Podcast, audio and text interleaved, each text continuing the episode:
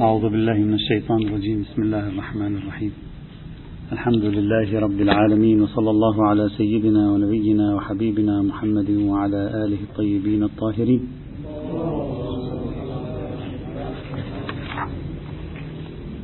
وصلنا إلى الكلمات الأخيرة في مباحث فقه المصلحة قبل الانتقال إلى الشروع في مباحث فقه المقاصد.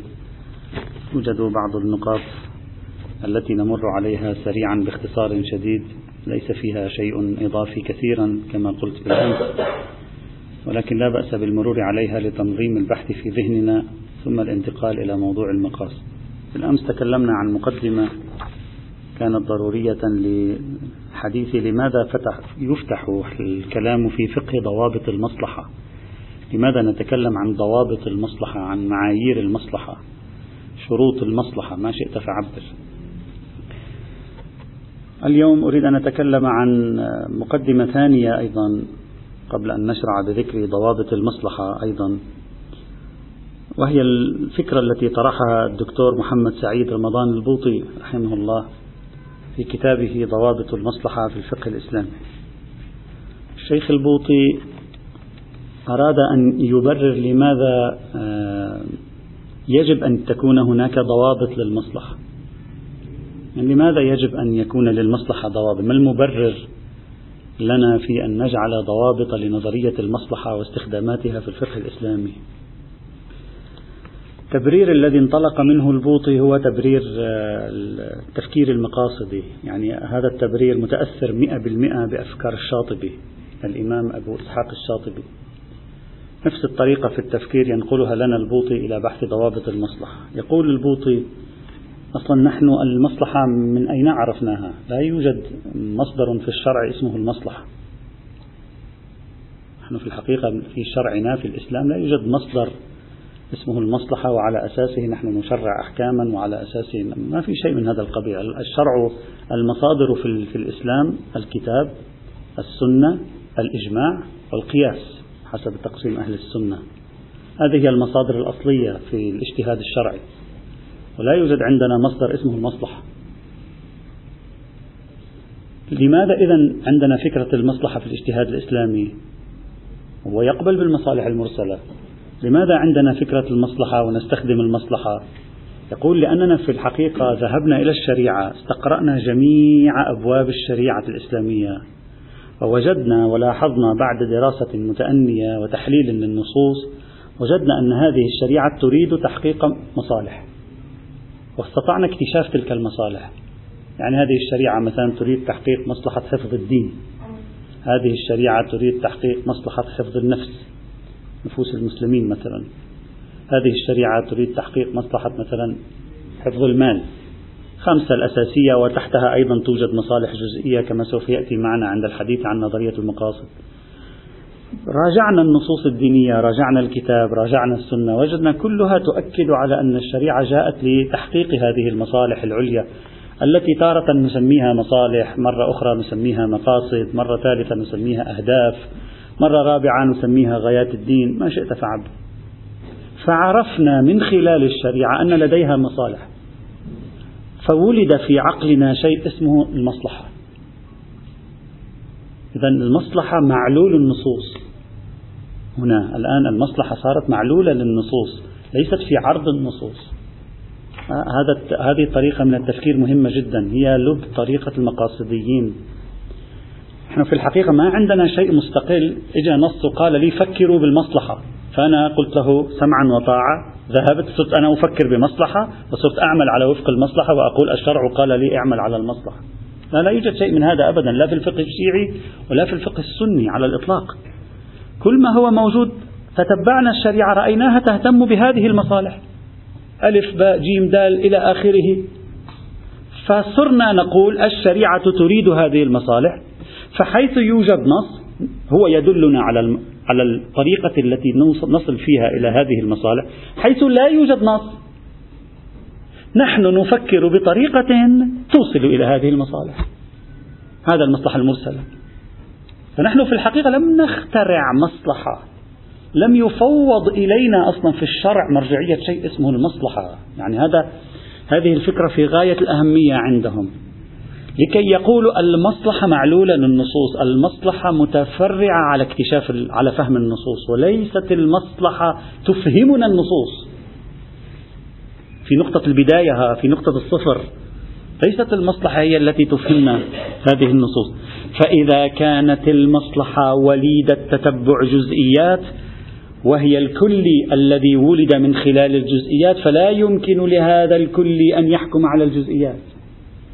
هو متفرع عنها هي أمه. لا يمكن لهذا المتفرع أن يحكم على الأصل. لأن المصلحة في ظل النص يجب أن نضع لها ضوابط.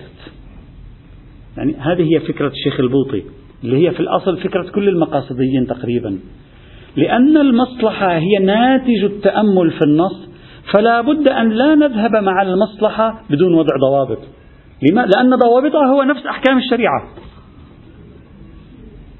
لهذا السبب بعينه. هذا ما يريد الشيخ البوطي أن يؤكد عليه ويقول بأنه حيث إن المصلحة ناتج استقراء فلا يمكن لناتج الاستقراء أن يغلب أفراد الاستقراء الأفراد المستقرأة. لا يمكن لناتج الاستقراء أن يكون حاكما على الأفراد المستقرأة. هي الحاكم عليه هي أولدته. كيف يمكن هو أن يغيرها ويتصرف فيها ويصبح مطلق العنان يسمح له بالتصرف في جميع الحالات؟ نفس فكرة الاستقراء. أنت تطبق فكرة الاستقراء. إذا جبنا خمسين حديدة ووضعناها على النار وتمددت بالحرارة ماذا نستفيد؟ نستفيد أن حديدة أخرى غير الخمسين تتمدد بالحرارة. لكن لا نستطيع أن نقول إن الحديدة الواحدة من بين الخمسين حديدة هذه لا تتمدد بالحرارة. لأن هذه نتيجة أن الحديدة تتمدد بالحرارة متفرعة على اختبار هذه الخمسين. لا يمكن لنتيجة أن تأتي بعكس هذه الاختبارات الخمسين. وبالتالي النتيجة دائما تراعي العملية الاستقرائية وليس العكس وليس الاستقراءات تراعي النتيجة. ولذلك لا بد أن نفكر بطريقة ضوابط المصلحة من وجهة نظر البوطي ولذلك يشرع المقاصديون جميعا تقريبا في القول بأن نظرية المصلحة لا تسمح للعقل بالاستقلال بالحكم بالمصالح والمفاسد. أبدا لا يوجد لا يستقل العقل بالمصالح والمفاسد عند المقاصديين. شوف حتى تتأكد أنت أن كثير من من من جماعتنا عندما يقرؤون المقاصديين أو يفهمونهم يفهمونهم خطأ بالعكس أصلا هم يرفضون استقلال العقل باكتشاف المصالح والمفاسد لأنهم أشاعرة. هذا طبيعي لأنهم أشاعرة لن يسمحوا باستقلال العقل بإدراك المصالح والمفاسد. طيب هذا الذي أنتم تقولون عنه مصلحة ما هو؟ يقول لا. يقول هذه المصلحة الشرع قالها. أنا فقط أبتكر طريقة للوصول إلى الشرع. إن لم ينص الشرع على شيء وإن نص الشرع على طريقة للوصول للمصلحة أمشي مع الشرع. إذا هم نصيون مئة بالمئة. أشاعرة مئة بالمئة منسجمون في علم الكلام معهم في علم الفقه. هذا بالضبط ما قاله الشاطبي أيضا. وهذه نقطة مهمة هنا بالنسبة إلينا آه، في شرح فكرتهم في هذا السياق. اینها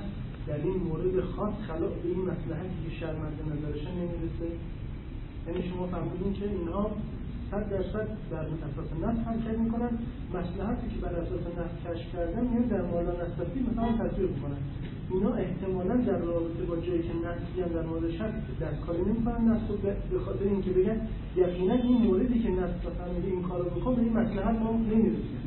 هذا ليس ليس له علاقة بسيطرة فكرة المصلحة على الاجتهاد، هذا له علاقة ليست المصلحة المخارجة للنص.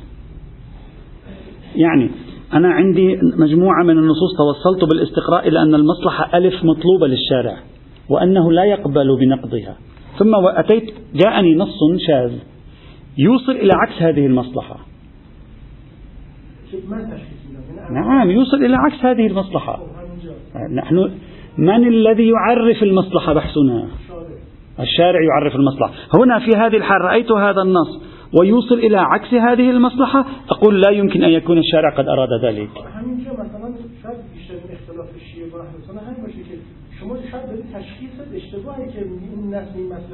لكن هذا لا علاقة له باستبداد العقل بالمصلحة. أنا أتكلم عن استبداد العقل بالمصلحة. نعم هذا له علاقة بالصغريات بالتطبيق. هذه الطريقة توصل إلى هذه أو لا؟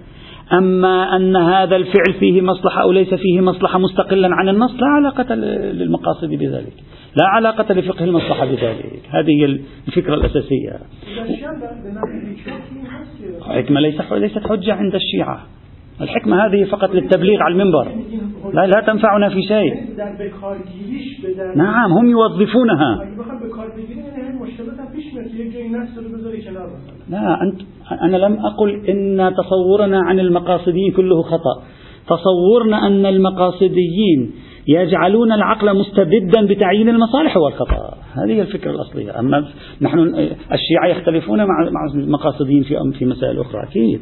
هذه سوف تأتي إن شاء الله تعالى.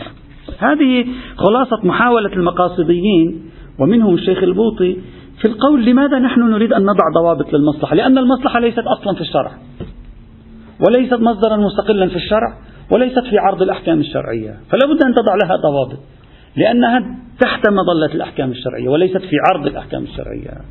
هذا هو تبريرهم لضرورة الذهاب نحو وضع ضوابط لفكرة المصلحة. هذه الفكرة كان بإمكان المقاصديين قبل أن يفكروا بهذه الطريقة أن يفكروا بسؤال أسبق وهو الذي بالحصول على جواب فيه يكفيهم أن يبحثوا هذه القضية الاستقراء وما الاستقراء. من هو المدرك للمصلحة؟ من الذي يقوم بإدراك المصلحة؟ ما تقول الشرع يقوم بإدراك المصلحة أو تقول العقل يقوم بإدراك المصلحة؟ إذا قلت لي العقل يقوم بإدراك المصلحة يأتي السؤال عن القيمة الاعتبارية لإدراك العقل للمصلحة. هل توجد قيمة اعتبارية منطقية أصولية لكون العقل يدرك المصالح والمفاسد أو لا؟ إذا قلت توجد قيمة اعتبارية لا يحق لك أن تأتي بدليل الاستقراء هنا. لأن دليل الاستقراء غاية ما يثبت أن بعض مصادر الشريعة دلت على هذه المصلحة. لكن إذا كان العقل يحمل قيمة اعتبارية أصولية ومنطقية إلى جانب النصوص ودل على شيء فهذا مثل معارضة نص لنص. ما الوجه في أن تقول العقل مقيد بأن لا يخالف النص؟ لا وجه. إذا يوجد قبل هذا الحديث الذي طرحه المقاصديون بحث أسبق وهو هل في الأصل بصرف النظر عن الاستقراء؟ هل في الأصل العقول لها أن تستبد بإدراك المصالح والمفاسد أو لا؟ إن قلتم العقول لها أن تستبد بإدراك المصالح والمفاسد والمفروض أن الشريعة تابعة للمصالح والمفاسد أو ليست ناقضة للمصالح والمفاسد بالتأكيد. إذا قلت لها لا يحق لك أن تقول إن العقل مقيد بما دل عليه النص. لأن المفروض أنك جعلت العقل مصدرا معرفيا مستقلا بإمكانه أن يكتشف المصالح والمفاسد. مطلقا في حد ذاتها تماما كقول الأصوليين الشيعة بالمستقلات العقلية. الأصول الشيعي إذا قال بالمستقلات العقلية لا تستطيع أن تقول له هذه المستقلات العقلية في هذا المورد الذي تتكلم عنه. هذه لا نقبل بها لأنها تعارض نصا. يقول لك بالعكس النص لا نقبل به لأنه يعارضها. بعد أن كان العقل دليلا مستقلا قائما بنفسه بل يفيد اليقين. هذا إذا قلت أن العقل مصدر مستقل للمعرفة بالمصلحة والمفسدة. أما إذا قلت أنت أشعري العقل ليس مصدرا مستقلا لمعرفة المصالح والمفاسد. لا حاجة إلى دليل الاستقراء. يعني لست بحاجة لأن تقول يجب أن تكون هناك ضوابط للمصلحة فتستدل على ذلك بدليل الاستقراء. أنت بإمكانك أن تقول لابد أن يكون هناك ضوابط للمصلحة لأن العقل أصلا لا يعرف المصلحة. وبالتالي لا توجد مصلحة عند يعرفها العقل. حتى نقول له اذهب وافعل ما تشاء ونخشى من تشخيصه للمصالح ويجب أن نضع له ضوابط أصلا. هو في الأصل لا يمكنه أن يشخص المصالح والمفاسد. وبالتالي نحن دائما محكومين لتشخيص النصوص للمصالح والمفاسد. والعقل لا علاقة له بتشخيص المصالح والمفاسد. إذا حاصل الإشكالية التي أريد أن أطرحها هنا هي ليست نقدا عليهم. هي دعوة لهم لأن يفكروا في مرحلة مسبقة. قبل أن نبدأ بالقول يجب أن نقيد المصلحة بالنصوص وأمثال النصوص لأجل أن المصلحة ناتج الاستقراء. من الأول يقولوا من هو المدرك للمصلحة؟ إن قالوا المدرك للمصلحة هو العقل. مستبدا. لا معنى للضوابط. ضوابط العقل من هو, من هو فيه. وإن قالوا العقل لا يمكن والتجربة الإنسانية لا يمكنها أن تستبد بإدراك المصالح والمفاسد.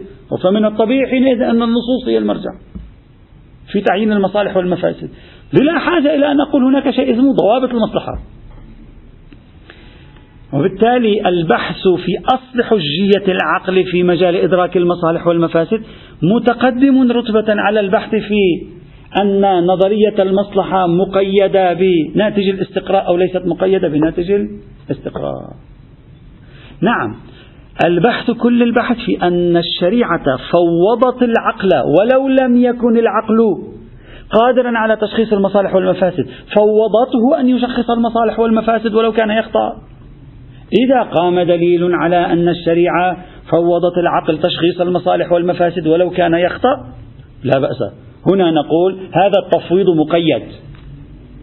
أما إذا لم يثبت لدينا أن الشريعة حتى فوضت العقل بتشخيص المصالح والمفاسد أصلا لا معنى للتقييد لأن لا يوجد غير الشرع هو الذي يمكن أن يشخص المصالح والمفاسد.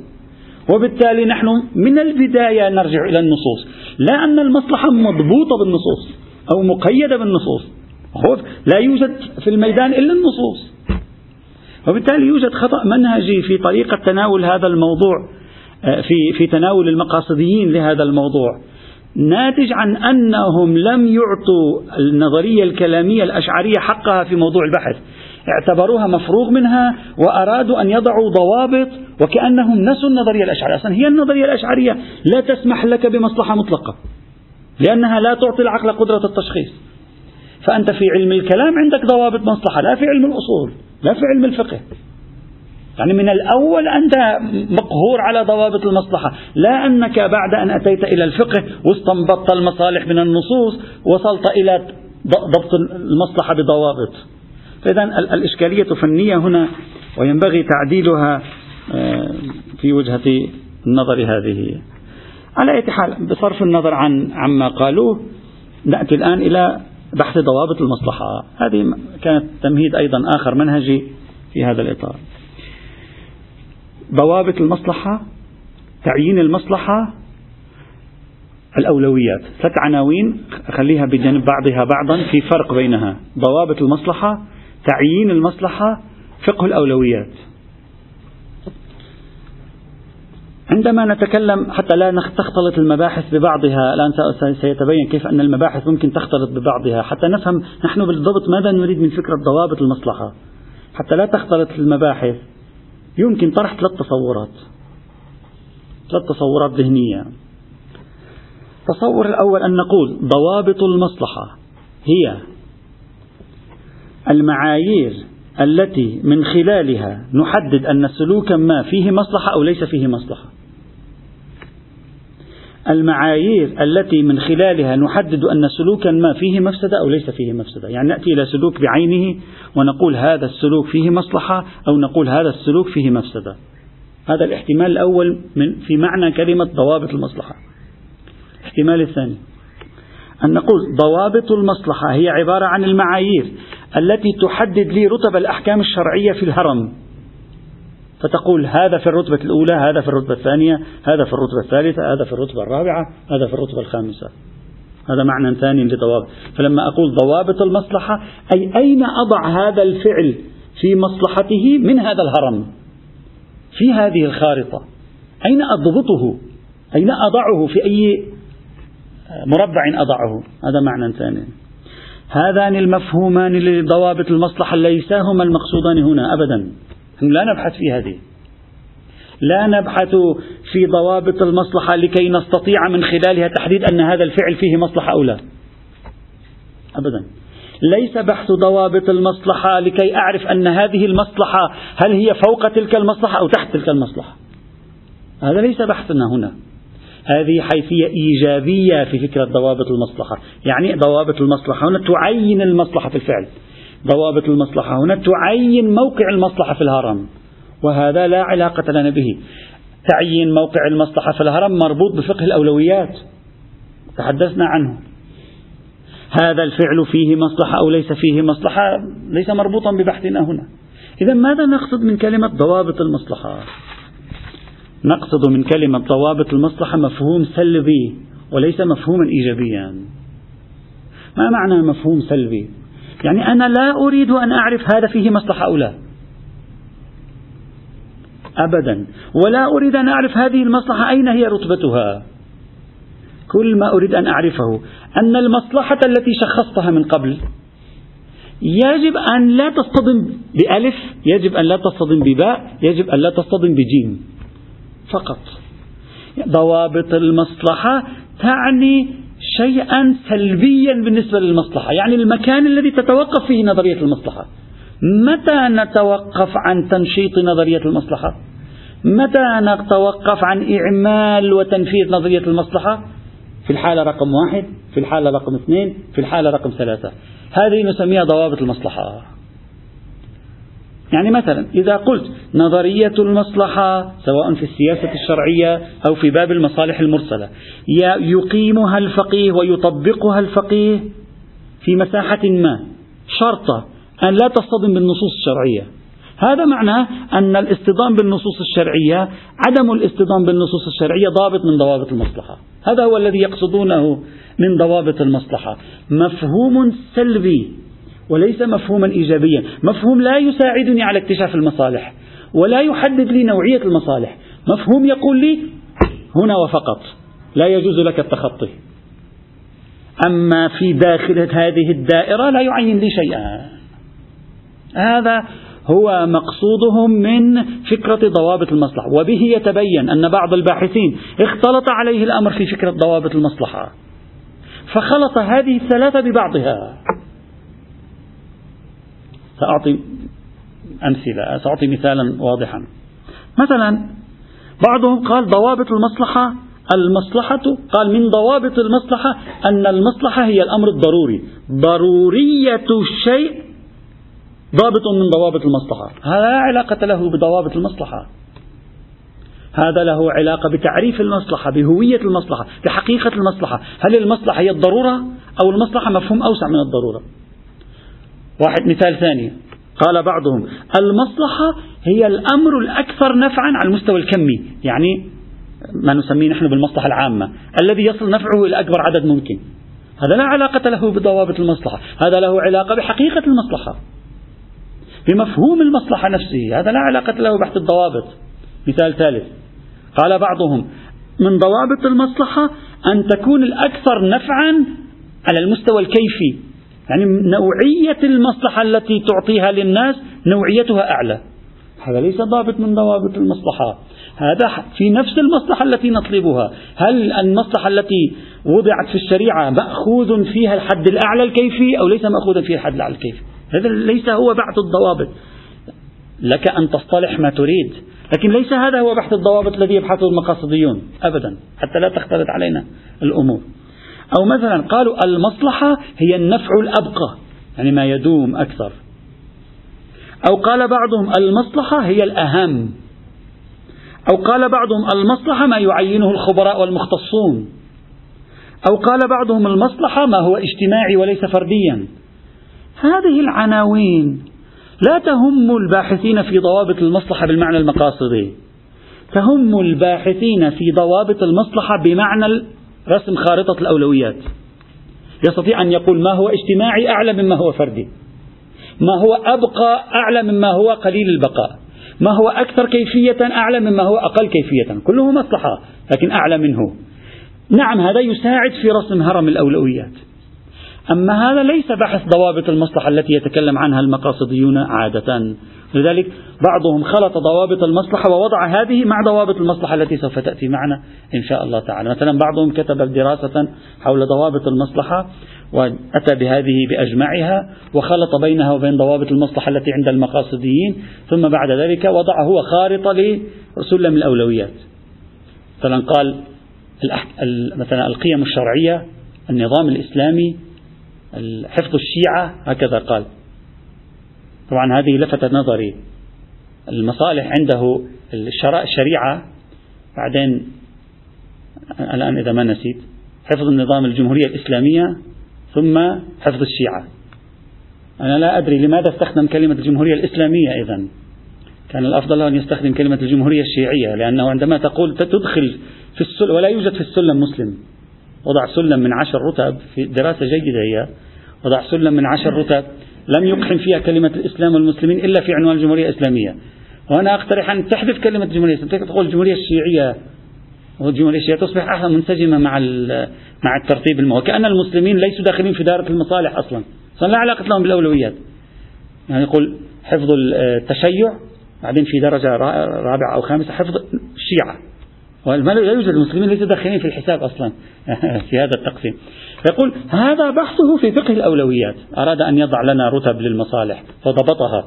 أما في بحث ضوابط المصلحة لا يقصد المقاصديون من هذا البحث شيئا من هذا القبيل إطلاقا حتى لا نخلط المباحث مع بعضها بعضا. ما هي ضوابط المصلحة التي يقصدها القائلون بفقه المصلحة خاصة المقاصديون؟ الضابط الأول وقوع المصلحة في سياق مقاصد الدين والشريعة أو أن لا تكون المصلحة منافية لمقاصد الدين والشريعة. أول المعايير وأهم المعايير التي يضعها المقاصديون وفقهاء المصلحة عادة أن تكون هذه المصلحة واقعة في سياق مقاصد الشريعة.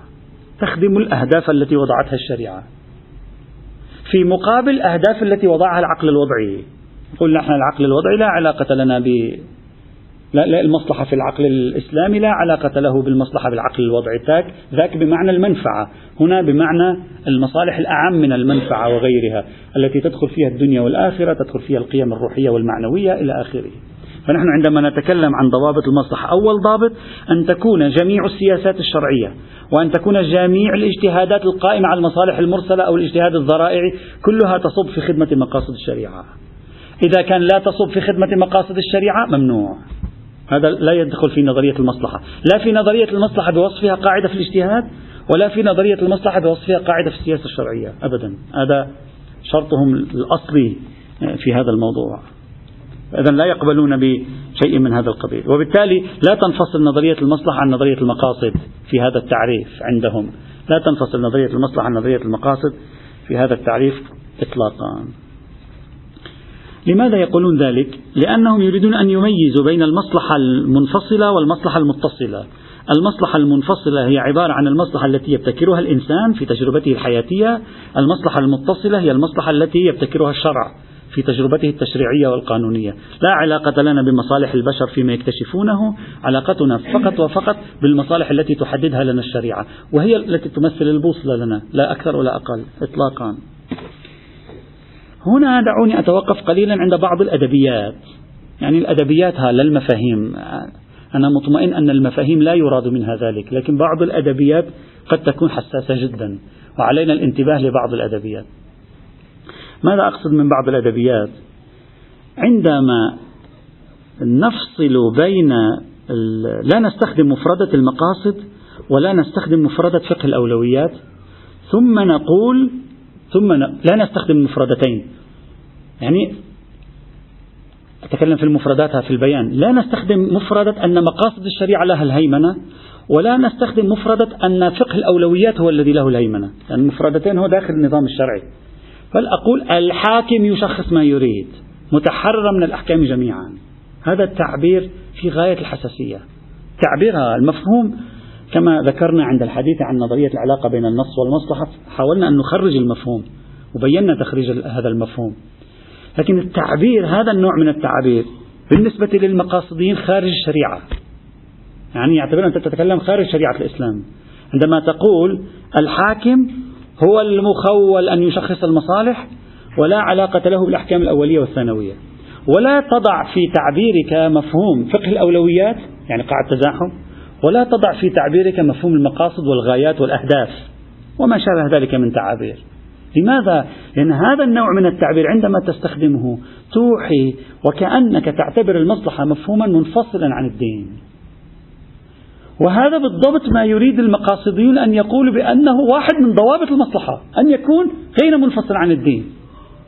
فعندما تقول أنا أؤمن بنظرية مثلا في السلطة وهذه النظرية تعطي الحاكم صلاحية تشخيص المصالح والمفاسد متعاليا متحررا من هيمنة الأحكام الأولية والثانوية. وعندما تقول متحرر من جميع الأحكام الأولية والثانوية يعني متحرر من فقه الأولويات والتزاحم متحرر من قانون المقاصد. فهذا معناه في هذه الرؤية يعني في رؤية ضوابط المصلحة أنك خرجت عن الشريعة. عمليا. تعبير التعبير هذا يوحي بالخروج عن الشريعة. لأنك كأنما توحي لنا بأن العقل الذي هو عقل الحاكم هو الذي يقوم بالبت في جميع الأشياء وليس هناك من بوصلة محددة تلزمه. وكأن البوصلة الوحيدة المحددة التي تلزمه بقاء حكومته. هذا النوع من التعابير أتكلم عن التعابير لا عن التخريج الفقهي التخريج الفقهي سبق أن ذكرناه. هذا النوع من التعابير بالنسبة للمقاصديين حتى بالنسبة لأهل السنة القائلين بفقه المصلحة في غاية الخطورة عندهم. لأنهم يعتبرونه إيمانا بمصلحة متحررة من أهم ضابط.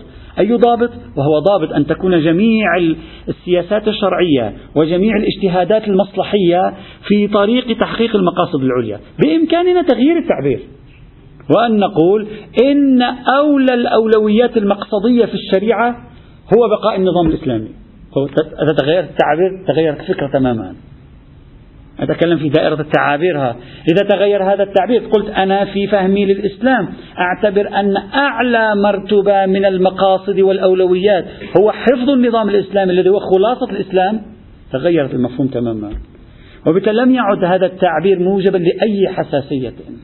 نعم بإمكان الآخرين أن يناقشوك. يقولوا لك نحن نختلف معك. من قال أن حفظ النظام الإسلامي هو الأولوية الأولى؟ نحن لا نعتبر ذلك الأولوية الأولى. هذا بحث تفصيلي لا بأس به. لكن أما عندما أستخدم تعبير يوحي وكأنني خرجت عن دائرة الأحكام الأولية والثانوية وجعلت الحاكم مستبدا بالمصالح هذا التعبير بالنسبة إلى القائلين بضوابط المصلحة يغدو خطيرا جدا ويغدو مقلقا. ولذلك يفضل عدم استخدام هذا. هذا النوع من التعابير لأنه ملتبس. سيجعل الفهم خاطئا سوف يوقعنا في مشاكل مع الآخرين حتى مع أكثر الآخرين إيمانا بالمصلحة. حتى مع أكثر الآخرين إيمانا بالمصلحة. وإذا إذا وضعت مفهوم مقاصد الشريعة تخفف الضغط حينئذ. طبعا عندما أضع مفهوم مقاصد الشريعة لا يعني أنني أستطيع أن أشخص الأفعال أن فيها مصلحة أو لا. كما قلت قبل قليل. أنا فقط أقول هناك إطار ويجب على الحاكم أو يجب على المجتهد أن لا يتجاوز هذا الإطار. هلا هذا الإطار كيف أكتشفه؟ أيضا هم بحث يمكن أنت تقبل أصلا بهذا الإطار. يمكن أنت تقول هذا الإطار وهم لا يوجد شيء اسمه مقاصد الشريعة. ممكن أنت تختلف معي تقول مقاصد الشريعة عندي ثلاثة خمسة عشرة عشرين أنا أقول لك ستة أنت تقول هذا موجود. القائلون بمقاصد الشريعة كما سوف يأتي معنا اختلفوا حتى في عدد المقاصد الكلية. بعضهم جعلها ستة بعضهم جعلها خمسة. ووقع بينهم أيضا اشتباك فيه هل نضيف السادس أو لا نضيف السادس؟ وهو العرض. أحد مقاصد الشريعة حفظ الأعراض. بعضهم قال نعم الأعراض من مقاصد الشريعة. بعضهم قال لا الأعراض ليست من مقاصد الشريعة. لا ينبغي أن نقحم مقصدا سادسا. ويوجد بينهم خلاف. سوف يأتي الحديث عنه إن شاء الله تعالى. إذا أول ضابط وضعوه إيمانا منهم بنظرية المقاصد هو ضابط أن تكون كل الاجتهادات والسياسات المصلحية في إطار خدمة هذا المقصد. هلا ولك ويجب عليك أن تثبت أن هذه السياسات تخدم هذا المقصد. هذا بحث آخر. هذا أول ضابط عندهم. ثاني ضابط عندهم وهو مشترك بين جميع المسلمين ينبغي أن يكون لأنه ليس خاصا بالمقاصديين عدم مناقضة الكتاب والسنة. يجب في أي اجتهاد مصلحي وفي أي سياسة شرعية مصلحية أن لا تناقض الكتاب والسنة. وهذا من الشروط القطعية عندهم. ممنوع أن يكون هناك مناقضة للكتاب والسنة. أما الاجتهاد المصلحي فواضح. أنت لنظرية المصالح المرسلة التي بحثناها سابقا أصلا ماذا تقول؟ موضوعها عدم وجود نص. موضوعها عدم وجود نص. فكيف يمكنها أن تناقض النصوص؟ أصلا بمجرد أن يأتي نص يعدم موضوعها. تنتفي نظرية المصالح المرسلة بالورود حسب تعبيرنا الأصولي. يعدم فلا معنى للمصالح المرسلة حيث يوجد نص. كما هو واضح. طيب. إذا قالوا يجب أن لا تناقض الكتاب والسنة وهذا شرط لا مجال لأن يعني نتخلى عنه أبدا. طيب. هنا يظهر فرق بين الاجتهاد المقاصدي وبين الاجتهاد المسائلي يعني بين اجتهاد المقاصد وبين اجتهاد المسائل. هذا الفرق لا بأس بتوضيحه. في الاجتهاد المقاصدي. المقاصديون دائما يرسمون الشريعة مثل شكل هرم وأعلى الهرم هو المقصد. وكل ما في داخل الهرم عبارة عن أسهم تتجه لتحقيق هذه المقاصد. هذا ذهنيتهم هكذا. أما في الاجتهاد التفكيكي المسائل لا يوجد هرم أصلا. توجد لوحة واحدة مثل مثل دائرة لا يوجد فيها لا رأس ولا أسفل ولا يمين ولا يسار. أينما تستطيع أن تقف يكون يمينها ويسارها. اجتهاد المسائل عادة هكذا. كل المسائل على مستوى واحد. لا يوجد مثلا مسألة تمهيد لمسألة مسألة مقدمة لمسألة مسألة أعلى من مسألة. لا يوجد شيء من هذا القبيل عادة. طيب. هنا إذا قلنا الشريعة شاملة لجميع مرافق الحياة لا بأس الاجتهاد المسائل والإجتهاد المقاصدي يتساويان. أما إذا قلنا الشريعة ليست شاملة لجميع مرافق الحياة. لا لا تشمل جميع مرافق الحياة. هنا يظهر فرق بين الاجتهاد المقاصدي واجتهاد المسائل. في الدائرة التي ليس فيها شمول تشريعي. في الدائرة التي ليس فيها شمول تشريعي فقيه المسألة يقول يشترط عدم مناقضة الكتاب والسنة. يعني عدم مناقضة الدائرة التي فيها نصوص. أما فقيه المسائل فقيه المقاصد يقول لا يكفي عدم مناقضة الدائرة التي فيها نصوص بل يجب أن يكون التشريع منسجما مع المقاصد. بعد ادعائهم أن المقاصد تغطي كل الوقائع لأن هي كليات المقاصد حفظ الدين حفظ النفس حفظ النسل حفظ العرض حفظ المال تبع ما في شيء. كل الحياة هي هذه. يعني هم صاغوا نظرية المقاصد بشكل تستطيع المقاصد أن تغطي جميع مرافق الحياة. الفقيه المقاصدي يشترط عليك شرطين. الشرط الأول أن لا تنافي اجتهادات المصلحة النصوص. والشرط الثاني أن لا تنافي اجتهادات المصلحة المقاصد. أما فقيه المسألة حيث أنه لا يفكر بالمقاصد فيكتفي بشرط واحد وهو أن لا تنافي اجتهادات المصلحة النصوص. أما هل أنه لا تنافي اجتهادات المصلحة المقاصد؟ هذا الشرط ليس موجودا عنده. لأن لا يوجد عنده شيء اسمه مقاصد أصلا حتى يقول يجب أن لا تنافي أو لا تنافي. وهذا هو فرق أيضا فني في ضوابط المصلحة بينهم بين من يقول بالمقاصدية وبين من يرفض المقاصدية.